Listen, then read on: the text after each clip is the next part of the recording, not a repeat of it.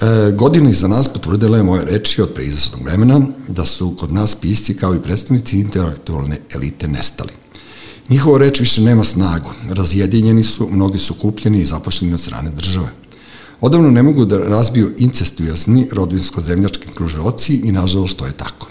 Pisci se većinski ulizuju tržištu ili su toliko nesnađeni da je mali broj onih koji se uklapaju vrlo ozbiljan svetski retrošik trend veličenja i nekritičnog obožavanja estetike i društvenih normi iz prošlosti. Malo je doslednik, sloboda se guši i teško je vreme za entuzijazam i poštene ljude. Ali to je samo moj problem.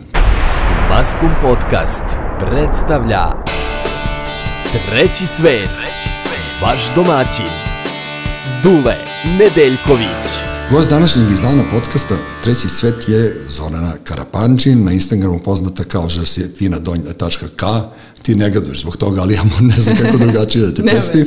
Blogerka koja je moju pažnju privukla svojim preporukama knjiga na YouTube-u kanalu Makarta. E, u trenutku kada ne postoji književna kritika i kada su državni pisci bahato zaposlili sve pozicije koje donose benefite, redki su ljudi koji se bave književnostom na krajnje netipičan način, to jest kritički. Ja sam se bavio prikazima knjiga i još ponekad se tome posvetim, ali sve manje imam entuzijazma u tome. Na, stup, na scenu je stupio neko ko to bolje radi od mene, a to si ti. Draga Zorana, hvala ti što si došla e, da gostuješ u podcastu Treći svet i, i, i, i moj, moja fascinacija tobom je ta da ti sat, satima možeš da pričaš o knjigama. A, da, to je tačno. Prvo, hvala tebi što si me pozvao. Ovaj, jeste, mislim, zbog toga sam ja i pokrenula celu tu priču, mm -hmm. bukvalno zato što sam čitala knjige i iskreno nisam više mogla da smaram svoje prijatelje koji ne čitaju to što ja čitam i ovaj, bukvalno je to bio razlog da se kao upustim u sve to u celu ovu priču da bi smarala neke druge ljude. da, da bih, sma, da, da bih smarala druge ljude, da bih kao ispoljila, da bih odnosno pisala svoje utiske o knjigama. To je bukvalno bila kao neka prva zamisla. Dobro, e, da ne bi ljudi sad pomislili da ti, ne znam, si neko čudo, e, pitao sam te najnormalnije, pošto znam da postoje ono tehnike brzo čitanja, rekla si mi da to ne radiš i ono, ti si u nekom proseku e, moje generacije, mi smo svoj vremen čitali 50 knjiga godišnje, tako i ti. Da, pa ja kao gledam da to bude oko 40 između 40 i 50, ali zaista se ne optrećujem tim kao nekim brojevima. Mm -hmm. ovaj, primetila sam da čim krenem da razmišljam o tome i čim krenem da čitam brzo nekako ili izgubim koncentraciju ili posle svake knjige mi opet treba par dana da se ja sad malo povratim nekako u realnost i da malo se, da se osvrnem na to što sam pročitala, da razmislim, da vidim da li se to meni sviđa ili ne, pogotovo ako treba da napišem neki prikaz ili da pričam o toj knjizi.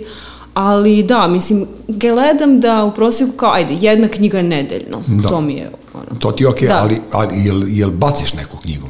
Da. Da, to, to me interesuje. Kada, kada ukapiraš da je knjiga loša? Uf, pa... E, ja, ja ću postaviti ok je moj šem. Pa mislim, iskreno, dobro je da ukapiram što pre.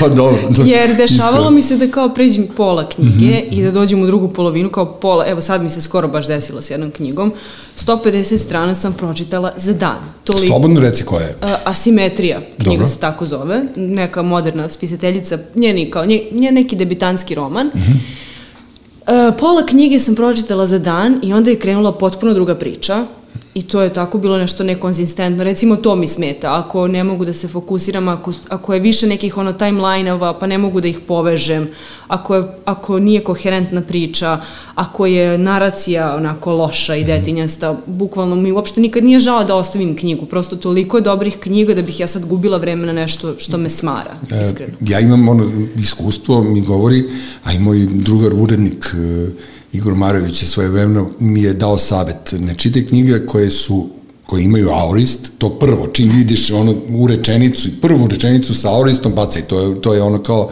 potpuno neki drugi govor i kao ima na fora prvih 40, u sredini 20 i poslednjih 20. I ako, si, ako, ako nisi siguran, onda čačni u sredinu i kraj, pa onda kao tek mm. ono, ono završi taj, kao, taj roman i stvarno to deluje. Znaš, ranije sam ja odustajao od neke knjiga posle, posle 3-4 stranice, recimo od moje borbe sam odustao kad sam je kupio. Tako da, ono prosto kao, kad sam, ne, ja, ja sam se, majke ja sam se slikao tamo ispred e, knjižare u, pored pevica, kao kupio sam moja borba, kao i sad držim onu knjigu i razmišljam, brate, kad ću ja ovo stići da pročitam? Znaš, a ti si mi rekla, ti si čitala. je? Da, ja, ja sam pročitala prva dva dela, odnosno, lažem, e, prvi deo sam pročitala, Mhm. a drugi deo sam slušala, skinula sam audio knjigu na norveškom, pošto sam ovaj, to stu- studirala sam skandinavske jezike Mhm. i ovaj, zafalio mi je malo norveški. I onda sam uzela kao da slušam knjigu na norveškom, tako da A nju sam čekaj, slušala. E, knjigu na norveškom, nadam se da nije on izgovarao. Pošto bi onda to E, bilo... ne. onda bi to Ali bilo... ja bih voljela da je on čitao zato što ima specifičan dijalekat i kao, ovaj, zanimljivo je kad pisci čitaju svoje knjige ako su dobri naratori, ume da bude super. Pa dobro, to, to kod nas ovaj, jako je redko, jer ja Da. sam učestvovao i po promocijama i drugih pisaca i svoje, mi, niko od nas nije toliko ono, kako ti kažem, niko od nas nije, nema tako, tako dobar e, vokal, vokal niti narativ da bi mogao da čita svoje delo. Mislim da je jako Da. teško pisci interpretiraju svoje što su hteli da napišu, ne, ne znam Pa zašto je to šta tako. znam, ja nisam čitala nikad, ovaj, nisam slušala naš audio ovaj, Mhm. knjige, ali recimo isto što sam pos, uh, pre ono, skori vreme slušala, bila ona autobiografija Matthew McConaughey. I sad to je stvarno knjiga koju ja kao ne bi uzela da pročitam. Da sad trošim nedelju dana na tu knjigu, stvarno mi ne pada na pamet, ali zanimalo me. I on je narator. E pa dobro. Ali on je glumac i to je fenomenalno, baš Da. je dobro. Ne, to, ne znam da, za to i on je, on je recitovao i neke poeme svoje vremena Edgar Allan Poe i on je, on je super u, u tim varijantama. E, bio je pokušaj ovde kod nas audio knjiga, to je Vlajsa Arsenijević radio i oni su izdali, mislim da je Đuđa Cvjetić to režival, režirala i nije to ispalo dobro mm -hmm. kao što jeste. Neku, ne, nešto nisu, Đuričko je čitao jednu, mislim da je Sergej čitao Kanče Marka Vidojkovića, ali to uopšte nije bilo dobro. Mm. Ne, ne, nešto su oni tu ispromašivali tako. Da. da nisi mogao da uđeš u auto i da kao ideš, ne znam, na put i kao da slušaš knjigu, nije mi uspelo, tako da ja se držim papirnog formata. A čekaj, da, što si, on- ne, ne mogu da kažem odustala, što si prestala da čitaš moju borbu? Da li postoji Pa, iko ko je pročitao svih šest? Naravno, ja verujem da postoji, ja ću sigurno da pročitam svih šest. Ja ne verujem da postoji. Ma, 100%, ne bi bilo... Ja sam pročitao prvu i šestu. Mm -hmm. Znači, i kao okay. izbegao, pobegao sam od onog, e, ne znam sad, verovatno i o ženi jedan deo i o deci i sve to, Da. nego sam ja pročitao prvi deo i taj završni deo kada on se, su, kad se on suočava sa, sa posledicama posle izdavanja knjige. Mm -hmm. E, to je, e, to je genijalno. Da, da, da, sigurno. To, Pa vre, da. to vredi svih 1800 strana koliko, koliko ono... Da, koliko njega je cela knjiga. porodica se, ono, odnosno, stric je valjda ga je tužio ili Svi tako, živi baš su, ga se... da, ovaj, da, ali on je, ispalo je da je sve, cela ta istina koju je on izneo, koja je meni i tebi recimo ili Urošu našem bilo kome može da bude potpuno benigna, ona je njima bukvalno ih je polomila. Da. I onda je naš on onako, onako sporo svoje, dok on prođe kroz kuhinju, ja bi ga on objasni ona, ne znam, mm. istorijat ce, celog detinstva, njegove žene i tako dalje i tako dalje. I to je ta priča. Ti si studirala norveški mm -hmm. i ti očigledno prepoznaješ te, te ljude i te krajeve i tu, tu pustoš i to i taj, ne znam, čudni, čudni, čudni predeo planete Jest. Zemlje i zašto su oni svi mračni tako? Pa ne znam, evo, ovaj, ja dok sam studirala to, ja sam stvarno ja nisam čitala ništa što nije skandinavska književnost za te četiri godine. Ne zato što nisam želela, nego prosto toliko se uđe u sve to, ima dosta obavezne literature na fakultetu, bla, bla, bla. Ja kad sam završila fakultet, Pa ja jedno, jedno 3-4 godine sigurno nisam htjela da pipnem nijednog skandinavskog pisca. Dobro. Ovaj, baš zbog toga što mi je toliko, valjda, oni su jako kvalitetni, ja ih jako volim i čitam ih sada, ali tad u nekom periodu ja nisam mogla da smislim njih, zato što su bili, valjda sam se toliko napunila tog, te neke depresije, mislim, depresije. Ja verujem da ti predeli sigurno imaju ovaj, veze s tim Oni se mnogo Znači- pre, preispituju u stvari, je li tako? Oni su pre, previše sami i onda kad si sam Ha, ti mislim, ludiš. ja verujem da se svaki pisac preispituje u tom nekom smislu. Ne verujem da je to sad nešto karakteristično samo za njih. Prosto tamo se mnogo piše, piše se mnogo gluposti, mm -hmm. stvarno. Naprimjer, eh,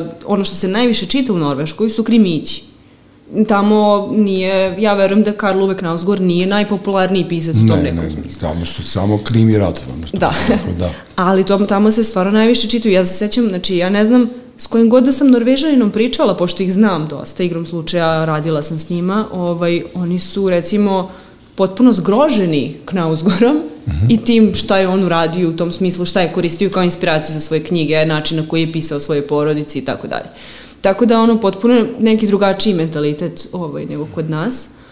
Ali eto, ovaj, um, nekako je čudno, to, ta njihova književnost je doprla do naše čitalačke publike Da. i dosta su popularni ovde, mislim, izdaje se, ovaj, ne izdaje se baš toliko. Koliko bi trebalo, da. Ali se dosta da, ali čekaj, negde sam pro, pročitao da, ili čuo tebe, da ti nisi ono ljubitelj tri, trilera. Da, ne I, I kako sad ono, ti voliš skandinavce kad su oni ono kraljevi trilera, otprilike, oni E, samo time se i bave. Da, pa Ono, mislim... mrtva baba na livadi i onda celo, celo selo se skupi da Pa traži nije, ko ima norveških pisaca koji ne pišu trilere, Pa mislim, dobro, ono, naravno, naravno, ne, no, ali da se, ne, ono, nek budu skandinavski, znaš, meni, Da. recimo, e, ja sam, e, mnogo volim e, evo, Erlanda Lua, E. I sada kad sam čitao ovu njegovu posljednju o, o, životinju u Africi, mislim da se zovu, mm. -hmm. ček samo tu sam negde zapisao, ali nema veze, ne, ne može baba sve to da zapamti, ali nema veze, mislim da se zovu životinju u Africi, e tad sam se, ja sam se zablaznio koliko je on, ne mogu da kažem lud, nego koliko to, znaš, koliko to već prelazi neko, neki zdrav razum i neko socijalističko vaspitanje u kojem smo mi ovde u ovim, u ovim zemljama rasli i sad ja ne znam da li je to e, prelazak, e, ono, da li je to literalna njegova fikcija dozvoljava njemu da pravi takve stvari ili, ili što je još groznije, e, da li se to zaista dešava. Evo, to da zove se životinje u Africi.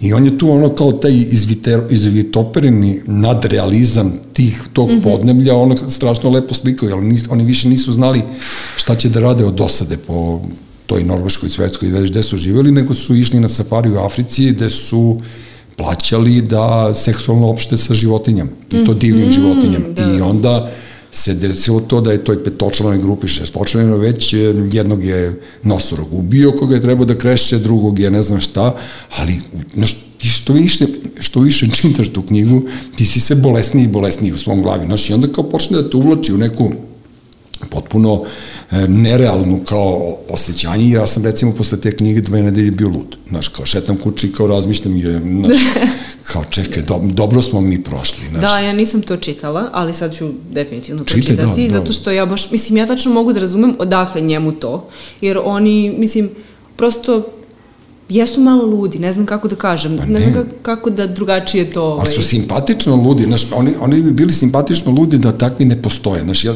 kažem ti, ono, ja sam njega upoznao na sajmu i kao mm -hmm. mi smo pričali, pre, ono, upoznala nas je žena iz geopoetike i kao ovo je Dule, ovo je kao Ed, ja kao dobro, i sad kao gledam čoveka koji je ono naš pisao Doplera, pa ono mm -hmm. Volvo kamioni, pa kao bio mi krajnje simpatičan. E sad kad sam nakon toga, pred, ono, to je bilo pred dve, tri godine, pročitao ove životinje u Africi, ja teško da bi mu pružio ruku. Znaš, ka, e, nemoguće, e, toliko je to on uneo sebe u to, toliko je on plastično to opisao da ja verujem da je on bio na nekom od tih safarija. Prosto, Pa moguće, ne znam, ali ovaj, ne, sećam ta se... boleština je neviđena. Znaš. Mm, Mislim, pročitat ću sigurno, Da. jer on je savrš, on super kritikuje to njihovo društvo. Ja sam čitala na Ivan Super, i Da, da, da. Doppler, i Vojlo kamioni, i to mi je bilo... Ove, dok sam čitala to na fakultetu, meni je to bilo kao, wow, kako piše super, jednostavno minimalistički, sad čak nekim onako duhovitim to, onako duhovito Da. to. Ali onda u stvari kad ovaj, malo staneš i razmisliš o tim knjigama, to su strašno depresivni ljudi. Jesu, pa to je to. Znaš, ne mogu da provalim šta, je, šta njih radi, znaš, da li su oni, da li, on, da li oni piju, da li se oni drogiraju, da li su A, oni da, na ja. suvo, misliš Mislim, da... oni se dosta, dosta piju i dosta se drogiraju. Dosta, i onda, pa Da, ne, da. to je to, znaš, kao moraš da otvoriš neku čakru da bi mogao da budeš ono pisac nekih takvih romana ili ja prosto gledam po muzičarima, otkad su svi otišli u straight fazon, ono, svi su loši i loši kao Red Hot Chili Peppers, otkad su se poskidali sa droga, ni jednu mm. pesmu nisu normalno snimili, tako da prosto to, ali kažem ti, celo taj, taj mrak koji dolazi sa severa, kao Winter is coming, otprilike, mm. znaš, kao donosi nam tu jednu scenu na koju sam ja navučen, ja gledam njihove serije koje su mm. sve ekranizovani romani u stvari, iz tog podneblja i mnogo su mi mračni. Mnogo, Jesu. ne, a nema čak nema ni fizičke lepote. Znaš, ono što imaju evropski roman ili američki ili južnoamerički romani ponekad insistiraju mm -hmm. na muško-ženskoj lepoti, nema veze na tom, ne znam, e, koketiranju, mm -hmm. na tom flertu i sve to, oni nemaju to uopšte. Da. Ne, tačno, oni se bave nekim drugim. Evo, na primjer, Lubom Knausgor, mislim, mm -hmm. Ovaj, ili konkretno Lu, Erland Lu. Uh, jedino što je možda od norveške književnosti je onako možda malo veselije i finije i je ovaj Justein Gorder. Mm -hmm. On njega bih mogla da preporučim nekome ko bi volao da se upozna sa skandinavskim piscima, ali ga malo plaši taj mrak. Jer on je baš veseo pisac, kako bih rekla. On bukvalno piše neke bajke za odrasle. A to prevedeno kod nas? Jeste geopoetika izdaje, mm -hmm. mislim, bukvalno imaju sve njegove knjige da se kupe. I sad je izašla skoro neka nova. On je recimo napisao onaj Sofijin svet. Aha.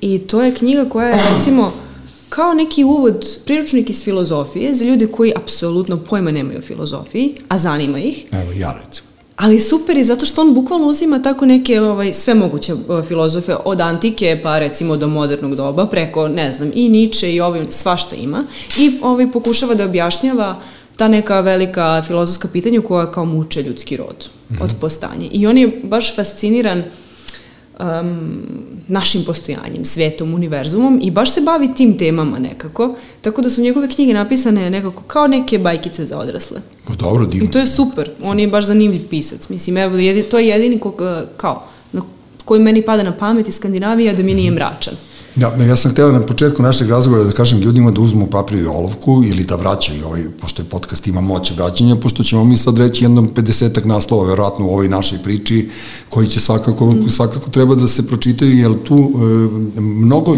mnogo knjiga kod nas prođe ispod radara baš zbog toga što marketinška odelenja izdavačkih kuća, naročito velikih, ovaj, insistiraju na komercijalnim delima koje nisu, nisu Tačno. taj kvalitet o kome bih ja volao da pričam, a evo sad, što ja nemam dlaku na jeziku, ja sam saznao pre neki dan i bio sam strašno ponosan na moju izdavačku kuću, lomila su se koplja oko romana Ostrava Pelikana Miše Majića do sudije koji je ono odjednom postao zvezda druge Srbije i ovaj roman je loš, mm. iskren da budem, ja, meni se nije svideo i jer je loše napisan, loše je uređena polifonija, ona takozvana, on njemu Romi i, i, i Srbi pričaju isto, on karikira taj romski jezik do, do, do, do nekog, znaš, do bizarnosti. I sad sam ja bio u fazonu, da li je taj čovjek imao urednika, a onda sam saznao da je izdao za Vulkan i pošto oni tamo nema, nešto se ne bave toliko uredničkim radom, oni su to pustili tako kao što su pustili i ta knjiga je prodata u, u zavidnom tiražu mm -hmm. i znači toliko ljudi je prevaren. Eto to ja samo hoću da kažem, znaš, nisu kupili dobro delo, a s druge strane neselektivno ga hvale. Ja, znaš, svi govore fenomenalan roman, divan da. roman, a roman stvarno nije dobar. Veću bi mu uslugu učinio neko poput mene. Ja sam mu i rekao privatno, Mišo, ovo ti ne valja.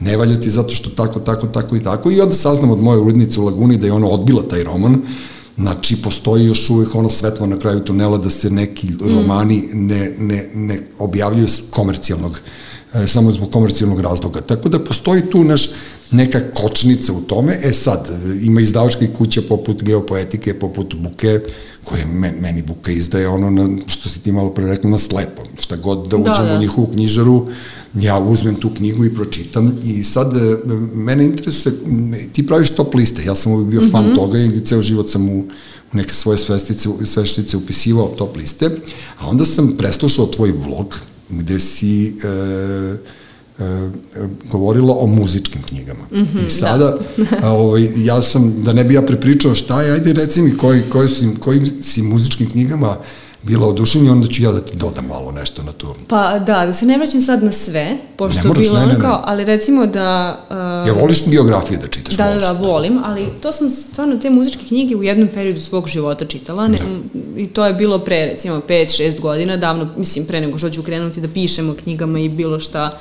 ovaj, mislim da se bavim time u tom smislu. I ovaj, ja tad zaista, ja, mene to strašno zanimalo, prosto životi tih ljudi, kako su oni ovaj. I ja naravno da nisam imala tad nikakav kao neki, meni su sve te knjige tad bile dobre. Nisam gledala kako su napisane, prosto ono, bilo mi je samo zanimljivo da saznam što više o tome.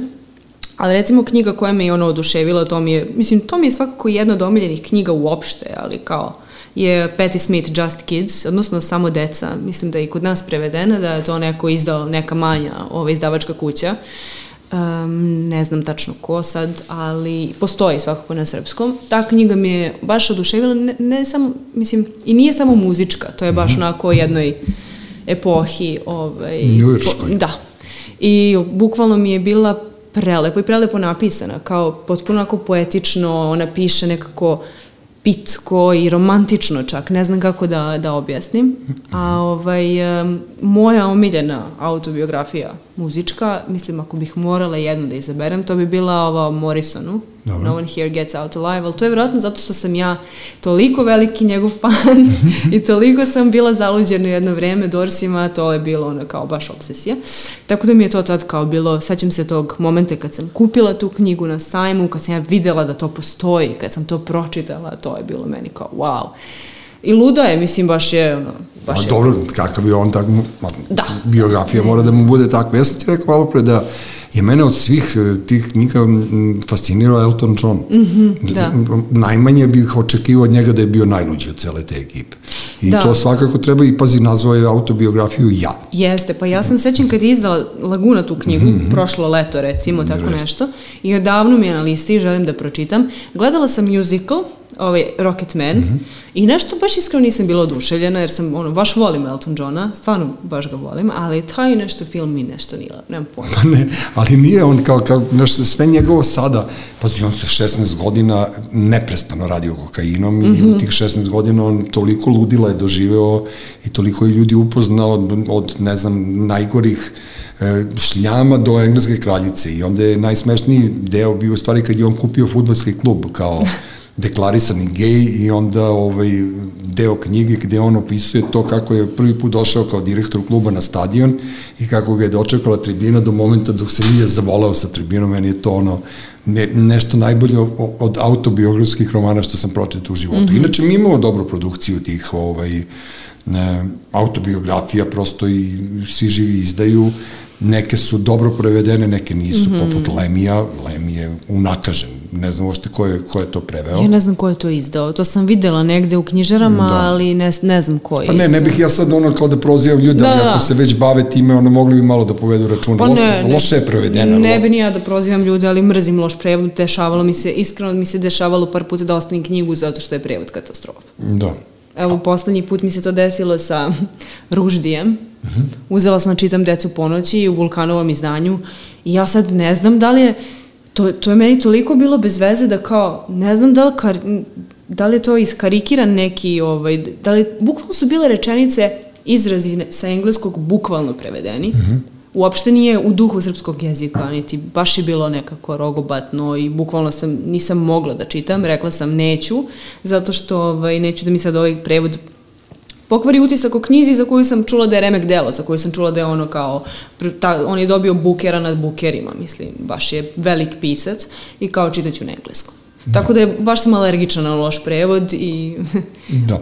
A reci mi, gde si ti o, o, odrasla kad si tako, i, i odakle ti je ono kao ljubav pre, prema knjigama, jer ti si mlada devojka i prosto, naš, tvoja generacija nekako više mi više skreće ka muzici, ka tim nekim krat, kraćim formama nego ka književnosti. Pa nemam pojma, ja sam odrasla zapravo van Beograda, mm. u Rumi, ali sad što se tiče moje čitalačke navike, ja stvarno od uvek čitam. I to je um, sad bukvalno na čemu sam ja odrasla. Ja nisam odrastala na nekim knjigama za decu, jer ovaj, To jest, jesam kad sam bila naravno mala, ali u nek, tim nekim tinejdžerskim danima kad se stiče čitalačka navika, ja sam čitala ono što je bilo kod mene kod, u mojoj roditeljskoj biblioteci, a to su bili tako neke ono prastre lektire njihove, klasici, mislim, nije sad kao da je to, da sam ja mnogo pametna, pa kao sam 15 godina čitala Igoa. Pa i ne, nemam nema veze, da. Ali prosto to sam imala u tom trenutku i roditelji su me, ovaj, sećam se da su me, pa ne terali, ali kao, e, ajde nemoj da blejiš na kompjuteru, uzmi malo čitaj. Bilo je toga. Ali volela sam stvarno od uvek da čitam i ono, bilo mi je uvek to. A šta te iniciralo? Ja sam tebi rekao, ja sam kao klinac naleteo na paklenu pomoranđu u selu mm -hmm. kod babe. To je moj brat, ovaj, neke roto romani su bili ovaj, eh, ne, film, filmska neka edicija romana, bili su psi od slame i bilo je paklene pomoranđe. Ja sam, kad sam pročitao paklenu pomoranđu, krenuo ono, punim gasom da čitam mm. knjige. Recimo, to je meni kao generacijski, da. i naše generacije u stvari, kao to nam je bila kultna knjiga. Pa mene, recimo, ako bi morala da se sad setim neke knjige koja me baš povukla, E, mislim da će to možda malo glupo da zvuči, ali ja se sećam da sam ja, to je bio taj Sofin svet, Dobro. i jednom prilikom sam ja, pošto sam po- pozemljivala knjige iz školske biblioteke, mi smo imali a, Imala sam divnog profesora ruskog u srednjoj školi koji, mislim, ja ništa ruski nisam naučila, ali mi smo imali čitalačku sekciju. I tu je bilo nas recimo sedmoro, osmoro I s njim smo se sastajali jednom nedeljno i bukvalno smo kao, e, dogovarali smo se da čitamo knjige koje se nama čitaju, a koje nisu u okviru školske lektire. I onda smo tu recimo čitali, sećam se, Jane Austen, uh, tako neke, ovaj, Lovac u žitu, koja nama nije bila tad u lektiri. Meni je to baš povuklo, a recimo konkretno knjiga mi je bila verovatno ta Lovac u žitu. Ovaj, mislim a sad ću da te pitam zašto Lovac u žitu, jer ja, ja sam pročitao dva ili tri puta Lovac u žitu i uopšte nisam provalio šta je tu Salinger, uopšte nisam ukapirao tu knjigu. Pa meni ta knjiga tad bila tako dobra u smislu, zato što je taj lik tako ne, i neprilagođeni, kad si tinejdžer pa čitaš o tako, identifikuješ se mnogo lako. I da, isto, u tom periodu je bila u mojoj generaciji jako popularna ona Mi deca sa stanice Zo. Aha, dobro. I ja se sećam tad kad sam to pročitala, mislim, odvratna je knjiga, ja mislim da moji roditelji da su znali da sam to čitala, bili bi ono u fazonu, jevo, šta radiš, to nekim narkomanima, bodu se u venu, jesi ti normalna, ali to je najpametnija stvar koja u tom periodu detetu može stavi u ruke. Jeste, zato što ona zgroziš se od da. svega i vrlo je dobro napisana knjiga, ali onda kao ali onda u toj knjizi ti skrenu pažnju i na Bovija, tako da počneš možda da slušaš da. i muziku da. sa neke druge strane. Mi smo čitali, ovaj, e, meni, je, meni je recimo Dragoslav Mihajlović, tu je on mm -hmm. u mhm. kraju, i kad su cvetale tikve, da smo se otimali, pošto smo mi kao da. naša generacija i sve dok boks mečeva na Tašmajdanu, tako da naš, mogli smo to, to da vidimo, ali deca sa Koldora Zu nije mogla da se napiše u, u Jugoslaviji, mada je to moglo da se spakuje u milje ovog kraja ovde ispod Skupštine ili naročito u Split ili neke te stvari. Možda bi bilo bolje da je neko napisao knjigu o tome, možda bi spasao neke živote ili, ili već ne znam šta, ali kad smo već kroz nekih ono to bizarne knjige u, u literaturi, E, znaš da su svoje vremeno, ne znam, osudili Rakovu obratnicu kao, da. kako beše, najvulgarnija knjiga. Ma, mislim, gomila knjiga je bila, Harry Potter je bio zabranjen, o čemu pričamo mi na kraju. Stvarno? Da, u, da. Nisam mislim, da. Lovac u žitu je bio zabranjen, Dobro, da, da. ali ovaj, da, Rakova obratnica je bila baš kao vulgarna, mhm. -huh. ali to se sve menja. Mislim, verovatno bi deca sa stanice zo u nekoj državi bila zabranjena. 100%, pa ne, imaš i ono 1300 buzdovana isto što su oni izdavali Ovo, ovaj, to je prvi kao porno roman u Francuskoj bio novela koji su mm -hmm. oni izdavali štampali kao fanzini, delili i naravno posle smrti je čovjek doživio popularnost mm -hmm. i tako dalje i tako dalje. A kad smo već kod tih zabranjenih knjiga, jel znaš koje su knjige zabranjene? Da, ja sam mnogo, meni je to uvek bilo jako interesantno, Dobro. kad je nešto zabranjeno, znači da mora da se čita. Ovaj, tako da, da, mislim, ima gomila tih koje su bile stvarno skandalozne. Pa mislim, eto, ovaj, Rakova obratnica mm -hmm. koja kao bila, wow, erotski roman, ljudi kao pričaju o tome. Mislim, sad kad neko spomene kao to erotski roman, budeš u fazonu, ma važi. Mislim, da, da, da, stvarno nije, a pritom meni je žao, zato što ta, to je knjiga sjajna, I žao mi je što se tako neka dela svode na to, kao jaj, skandalozno, vulgarno, mm. strašno, koristi ovu reč, mislim, to je dobra knjiga. Jeste. Izdala je Laguna sad, skoro reizdala u stvari. Ja sam čitao i to, mm -hmm. delim utisak s tovo, nisam se nešto ovaj, mislim... Šta sad tu više može šokirati? Ne znam, može zadruga recimo da me šokira e, da. sa svojim rečnikom, ali, ali prosto to, e, Južna Afrika, Južna Afrika i Južna Amerika je poznata po ideološki zabranjenim romanima i ono, jedan od mojih omiljenih romana je knjiga Poljubaca, to je E, sad ću ti kažem ko je to napisao, knjiga Poljubaca, ja sam se kao nešto, knjiga Zagralje, stvari je mm -hmm. Eduardo, Eduardo, se zove, mm -hmm. i to su njegovi eseji, neke crteži, nešto, gde je on e, pisao o tom vremenu kada je tamo bilo katastrofa i onda ti kad čitaš, ne znam, o Južnoj Africi ti ne poželiš nikada da odeš mm. u nju, a najveći broj kvalitetnih pisaca i romana je došao sa te strane Južna Amerika, Južna Amerika, da, oni su da. baš, ali oni su specifični isto, mislim, baš su, ne voli ih svi, ja volim, Dobre. ne sve, ali recimo, sećam se, da, ta rakova obratnica konkretno mi je jedna od mojih omiljenih zabranjenih knjiga možda, a recimo Lolita mm -hmm. je isto bila ono zabranjena i jako kao skandalozna i jasno mi zbog čega, naravno, tema kojom se bavi, ali ta knjiga recimo za razliku od mnogih nekih kontroverznih knjiga nema ni jednu jedinu kako bih rekla, nije uopšte vulgarna, nema tih nekih izraza, nema, ali prosto zbog teme kojom se bavi. Da, zamisli sad kad bi napisao neko lulito od nas, mislim da bi ga spalili na terazijama, zato što je tako vreme, se, Jest. točak vremena se vratio na ono mesto gde je to bilo skandalozno, ali ta Lolita je u stvari čista ljubav, či, čista jedna, čista emocija u stvari, nema tu...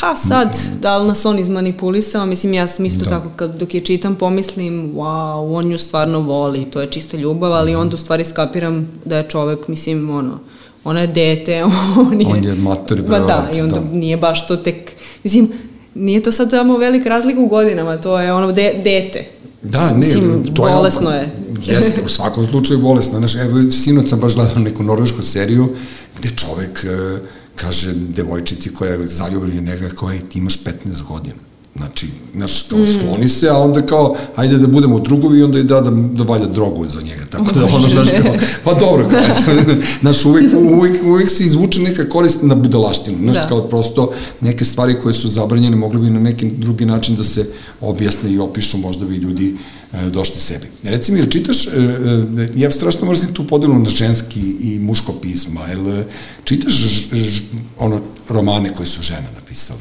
Da, mnogo više. A, ja sam veliki fan Virginie Despentes. I obožavam Virginie Despentes, da. ali mislim da to nije sad ciljano da ja želim da čitam više pa, žene, a prosto žene... je normalno, da. Da, mislim, verovatno mi više leže prosto po mm -hmm. senzibilitetu i sve, ali žene mnogo više pišu sada. Mislim, sada su nekako mnogo, u mnogo većem broju žene izbacuju i pišu romane nego što možemo da vidimo savremene muške pisce. Dobro, ali žene se obraćaju ženama u tim romanima? Da. Dakle, I pišu, pa mislim pišu o ženskom iskustvu. Virginia Despentes možda konkretno ne, jer ne, ona baš je sve one, one, one, na, one kao naša ortakinja, ono pankirka, naš, on skvoterka, ne znam, ona Bukvalno. drugirala se, ono, radila kao prodavačica cveća i ljubavi, potpuno jedan raspad sistema. No, ona je luda bila kritičarka porno filmova. Da, da, da. To da. postoji kao zanimanje. ne, ali e, taj Vernon Trodon, mm -hmm. on je bio Subutex, ja sam u Hrvatskoj uzeo to izdanje i onda sam bio u fuzonu, čovječe, kako je ovo dobro, i onda sam sačekao ove naše mm -hmm. tri izdanja Buke i pročito ja, to je meni ono potpuno utisak u poslednjih pet godina. I meni isto i meni. Ja sam slučajno uzela, mm -hmm. ove, kad je izašla, nisam uopšte čula za to ranije, nego kao pratim šta ima u pripremi kod izdavača, bla, bla, bla, i sećam se, ovaj, vidim to i vidim to je trebalo da putam u Pariz i kao šta ću da čitam tamo. Mhm, mm ok, neka savremena francuska književnost, dobro može. Vidim to je neki prodavac ploča, vidim otprilike, ali kao, pritom ta knjiga je najavljena u fazonu, ja, eto, on nešto krije, svi tragaju za tim i onda u stvari to je samo prvi deo i to je samo uvertira, kad pročitaš druga dva dela i skapiraš šta ona htela da kaže, bude u fazonu, brate, ovo je vrhunska književnost. Vrhunska zato što, ali drugo je svidalo ti kako je tu se ono, gde, gde su najkvalitetniji ljudi, na dnu.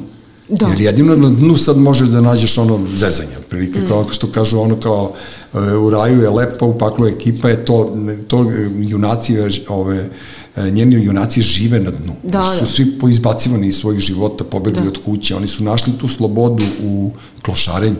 Oni su bukvalno kao neki ono izgn, progneni od strane društva i ono kao neprilagođeni su, ali su ono u fazonu, ma baš me briga meni ovde kao Da, ali oni slušaju najbolju muziku, pričaju da. najlepše priče, znaš, oni su tu na nekom nivou, oni predstavljaju novu slobodu. Mm. Znaš, sad je trend u svetu i u Evropi da beže svi od svega. Mm. kao da žive po ulicama, da jedu iz kontejnera, da prosto neke... Ne, ne, francuska književnost je što, je, što je više pritisnuta, ne znam, nekim političkim problemima, ona je sve jače i jače, naročito ovi što mi znamo u LBK pa Bekbedea, e, platforme si čitala? E, čitala sam, zapravo trenutno čitam u LBK, Dobro. elementarne čestice. Aha, to je super. I nisam ranije, ovo mi je prvi put da se, da, da, da, i baš mi se sviđa. Mislim, meni leži ta savremena francuska, zato što uh, oni, mislim, nekako su jednostavni u izrazu, mm -hmm. a mhm. toliko je sve inteligentno napisano, toliko je pronicljivo, toliko je pametno, baš mi se sviđa.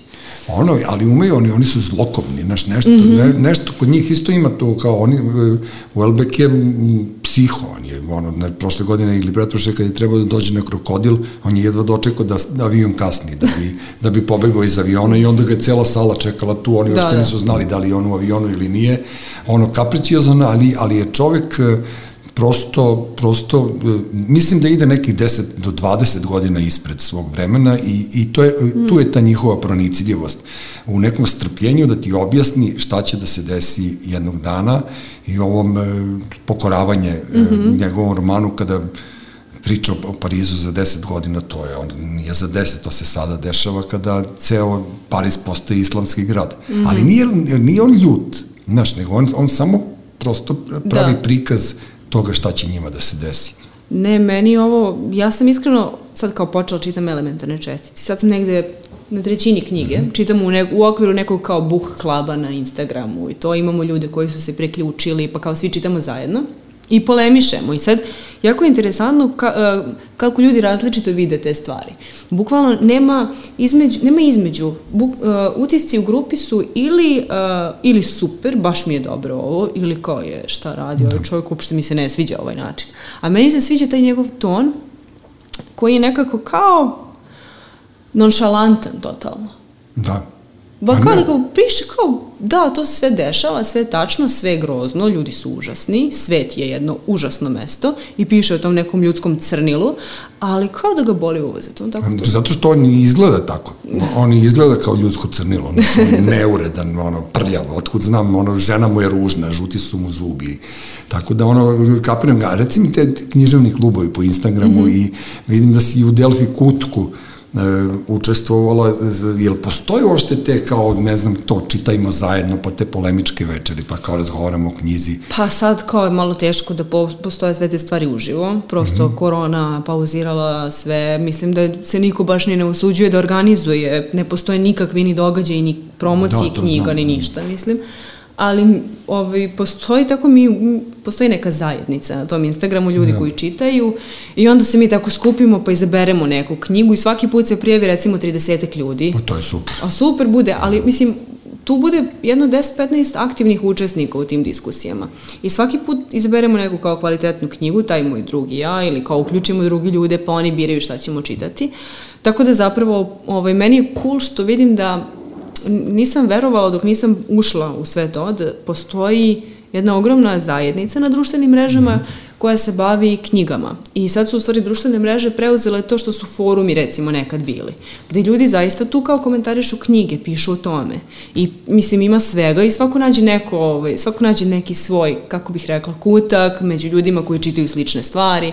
Tako da je zaista interesantno. Sad... A to je, to je dobro. Mi smo imali svoje vremena, moj pokojni drug Pera Ložač, koji je svirao fantastičan gitarista, bio on je u, stanu na Dorčulu držao svakog ponedjeljka književne večere, gde je dolazilo između jednog i 50 ljudi. Da. Na te njegove ono kao i onda on sedi i čita i onda ljudi razgovaraju o tome, o tom romanu ili koji je pročitan i nikada nije govorio napred koji, šta će da čita i ja sam e, srce tame jedne večeri ovaj, on kao čita i onda smo mi ostali do nešto do tri ujutru, na kraju smo se posvađali, napili, ne znam ja već bil, šta bilo i stvarno smo pretvorili veče da. u srce tame.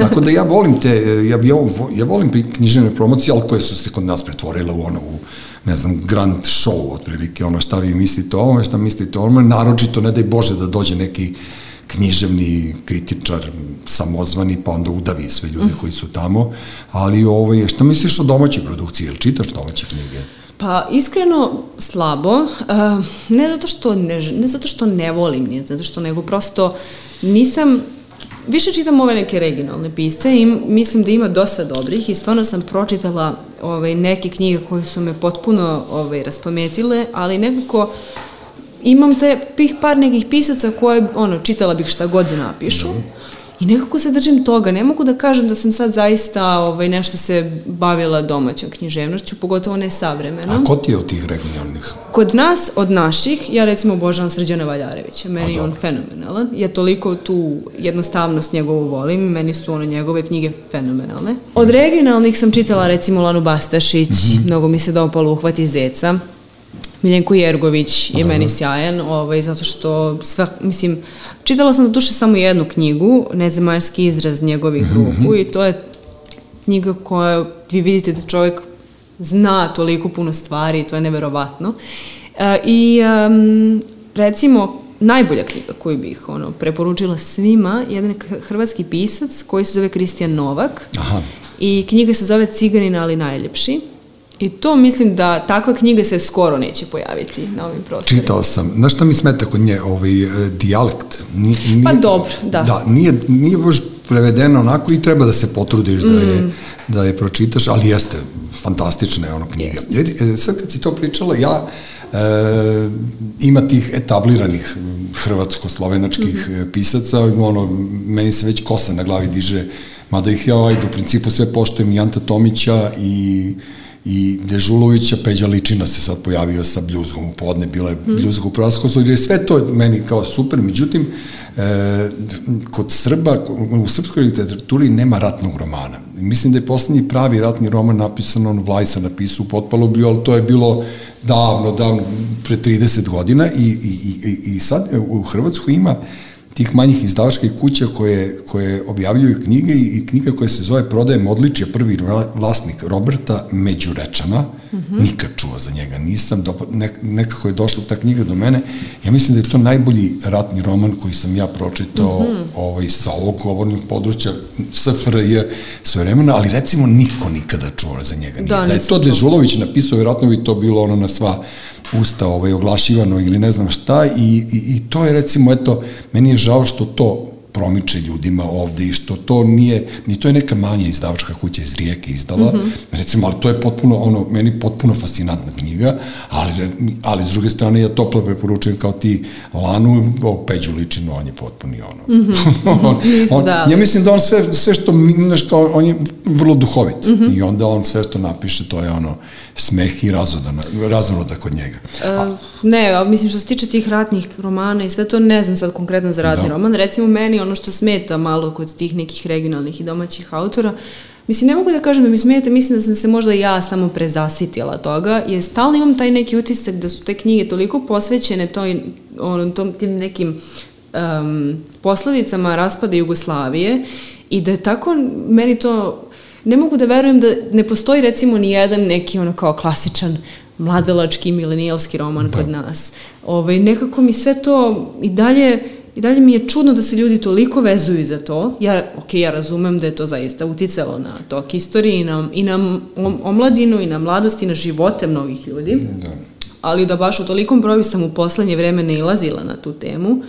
Mislim, možda sam se samo ja prezasitila. Ne, možda oni dobijaju pare za to, tako da, znaš, možda je to sad ono aktualna agenda o kojoj treba pisati, prošlo je 20-30 godina, pa ajde što brže da se tu još uzme neka kinta, jel videla si prošle godine oko Jasenovca, prvo oko filma, pa da. ne znam, Roman Marajević je ovo i ne znam, ne znam da li ga je dvoje ljudi pročitalo, dobije sve žive nagrade ili on je kao tretirao tu temu Jasenovca, znači postoje te neke kao direktive koje ti moraš da ispunjavaš da bi dobio neke benefite i to mene u principu ne zanima, ali ja ovde, ako, ja bih samo da ti kažem i, i slušalcima i tebi imaju dva sjajna lika, oni su obojica stariji od mene, jedan je Ivan Zlatković, on je profesor književnosti iz Aranđelovca, on piše e, o Srbiji i o srpskim mm -hmm. hajducima. Recimo, i sad poslednja knjiga iz Živi mrtavi je o hajducima između dva rata. To su bande raspuštene koje su divljale po Srbiji, mi to nemamo pojma. A drugi je ono, jedan veliki gospodin čovjek, jedan veliki humanitarac, to je Vlada Arsić, koji piše ove njegove, ne znam, sakralne romane, što ja kažem. I on ima jedan potpuno genijalan roman, e, to bih svima preporučio toplo, zove se Noć Arhangela, mm -hmm. i u njemu se, e, njemu se opisuje sudbina prvog srpskog zaštićenog svedoka, a to je čovjek koji je ubio Karadžorđa. -hmm. Znači, nije ga ubio onaj kum Vujica, nego ga je ubio taj drugi mm -hmm. tip i on se pojavljuje preko noći sa svojim porodicom u nekom selu u Srbiji i loša karma koja prati te ljude se završava pogibijom poslednjeg izdanka te loze, to je devojka koja je poginula u bioskopu 20. oktobar kad je bomba ona pukla 67. 8. godine što su ustaški teroristi podmetnuli. I to je jedna od knjiga koja kad se zaledi. I da, onda da. ja, posle toga, kad pročitam tako Vladu Arsića, ja, meni je dosta istorije, dosta mi je svega, vratim se ja ono kao u svoju ušuškano, ono rock and roll, neko ono urbano, U, u, meni je nekako taj urbani narativ. Ja sam čak i dobio taj, tu nagradu da sam ja kao najbolji pisac urbanog narativa, vada meni to apsolutno mm -hmm. ništa ne znači, ali volim grad, gradske priče. Da, kapiram, Iz bilo da. kog grada, ne, ne mora Beograd da bude. Znaš, volim Barcelonu kad neko mm -hmm. opisuje kao insider, volim Madrid, volim, I ja volim da. New York, to Patti Smith kad si pomenula. Znaš, jel čitaš malo američku literaturu? Da, ovaj, zapravo volim jako američku književnost. Meni leže Amerikanci mm -hmm. meni leži to što oni pletu priču, što svaki njihov roman, mislim, postoji razlika, ono kao evropski romani malo su više na ko, kako bih rekla, malo luđi, malo alternativniji, često postoji tu neki otvoreni kraj, često su tu neke metafore ovo ono, a kod um, Amerikanaca, mislim, bar ove što sam ja čitala, sve ima neku dobru priču, sve ima neki dobar zaplet, ali postoji uvek nešto iza priče, nešto malo dublje. Ovaj, tako da sad spremam posle ovog Uelbeka da počnem Frenzena da čitam. A, dobro. Ali poslednji, recimo, roman koji me baš oduševio, američki, je Srce i usamljeni lovac. To je uh, jedna spisateljica koja se zove Carson McCullers i ona je taj mm -hmm. roman napisala sa 23 godine.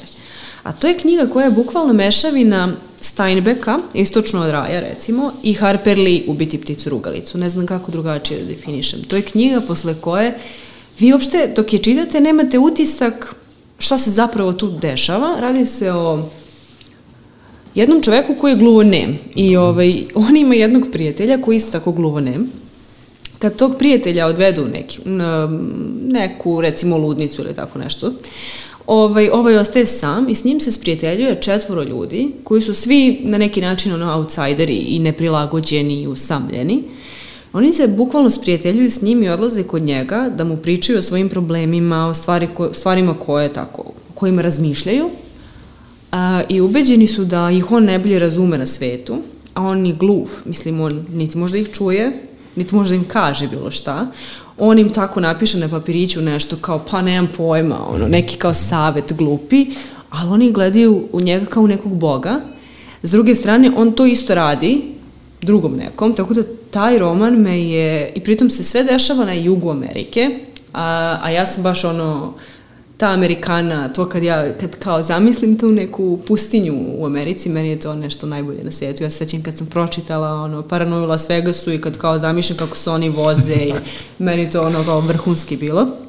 Ali ovo srce je usamljeni lovac, ta knjiga recimo nije toliko, po, mislim, poznata, ali recimo mnogo su poznati Ubiti pticu rugalicu, to je kao mm. najbolji, ne znam, jedan od naj, najvećih klasika američke književnosti, ali ovo je knjiga koja me potpuno oduševila i recimo ovaj, volim Steinbecka, to mi je ono, jedan od omiljenih pisaca, a od ovih uh, modernijih nekako u poslednje vreme što sam isto ovaj, pročitala Svet po garpu, Aha. John Irving.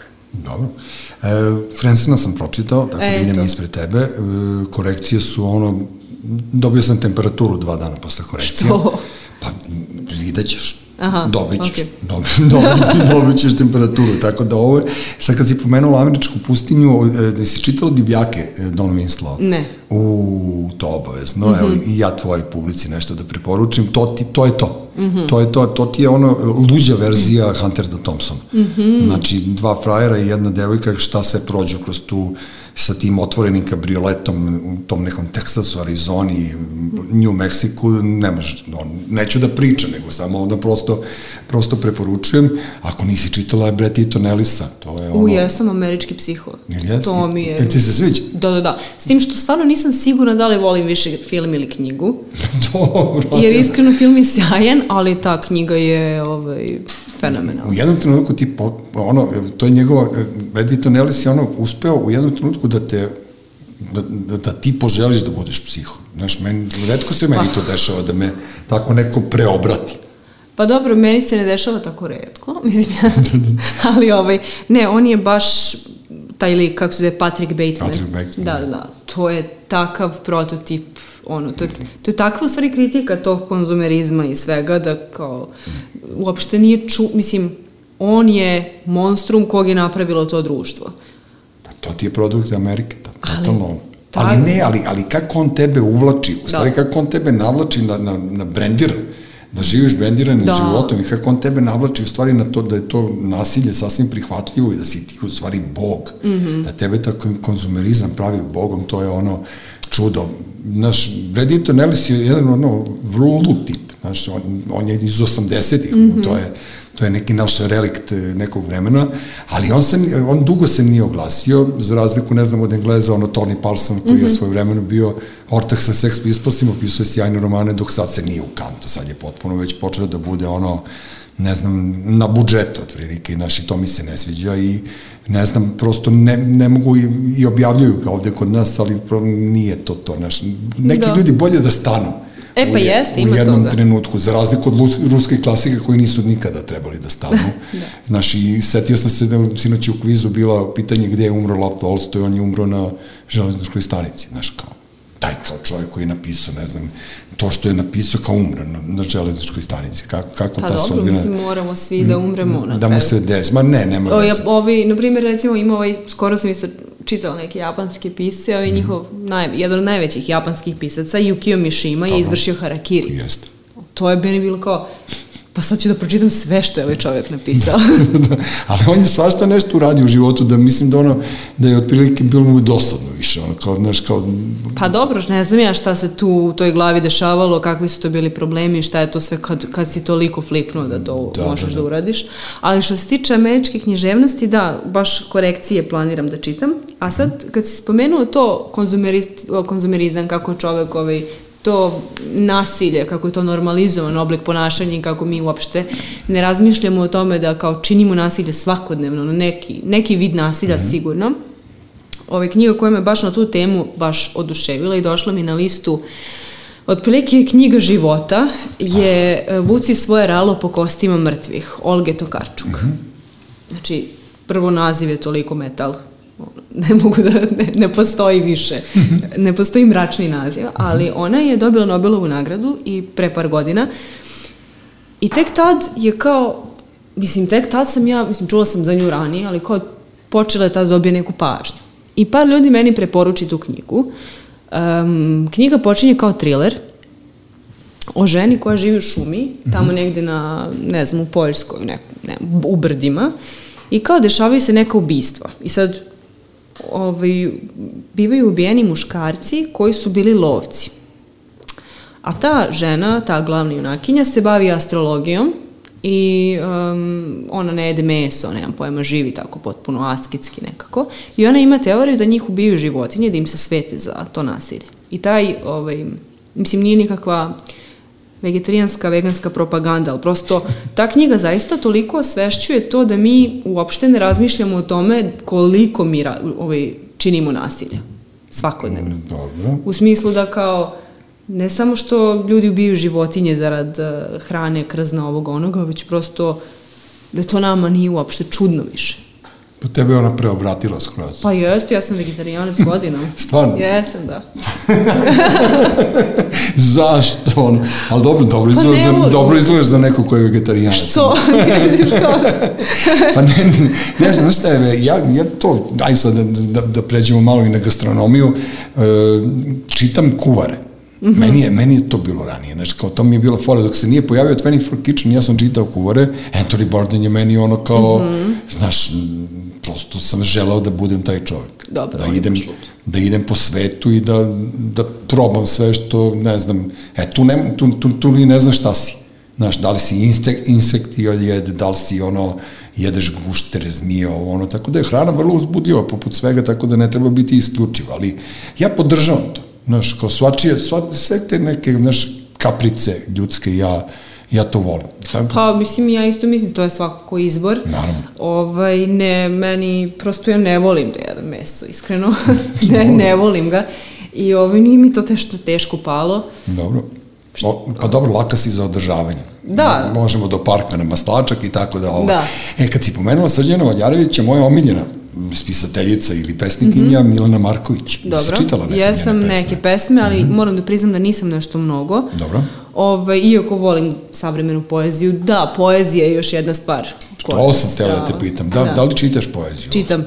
Da. I mislila sam da, ovaj, ranije sam naravno čitala sve te neke etablirane pesnike koji su poznati, ovaj, i domaće i strane, bla, bla, bla. Međutim, poslednjih par godina je počelo baš da se izdaje. Mislim, ne, ne znam koliko, ali postoji ne, dosta nekih domaćih savremenih pesnika i pesnikinja koje sam čitala i koje su me oduševili. Da. Uh, Ognjen Karlakićević, na primjer, njena zbirka Vodič kroz požare, ja sećam kad sam to otkrila, to sam ono, ja tako kad, kad god otkrijem neku super poetsku zbirku, ja uz nju ležem i budim se otprilike. Znači to mi ono, pošto, pogotovo što pesme, to nije kao roman, mislim, to se, zbirka se pročita za dan. Dobro, Ognjen, Ognjenka je vrlo ognjena, tako da ono, čitam ja nju, znaš, ima, nek, ima neku foru, da, ima još neko, ono, Ima, ima kako ne, ima ova, meni recimo strašno mnogo leži Vitomirka Trebovac, mm -hmm. Ona ima dve zbirke ovaj, i ta jedna koju sam, ja sam ne znam koliko puta je pročitala iskreno, um, zove se Dani punog meseca.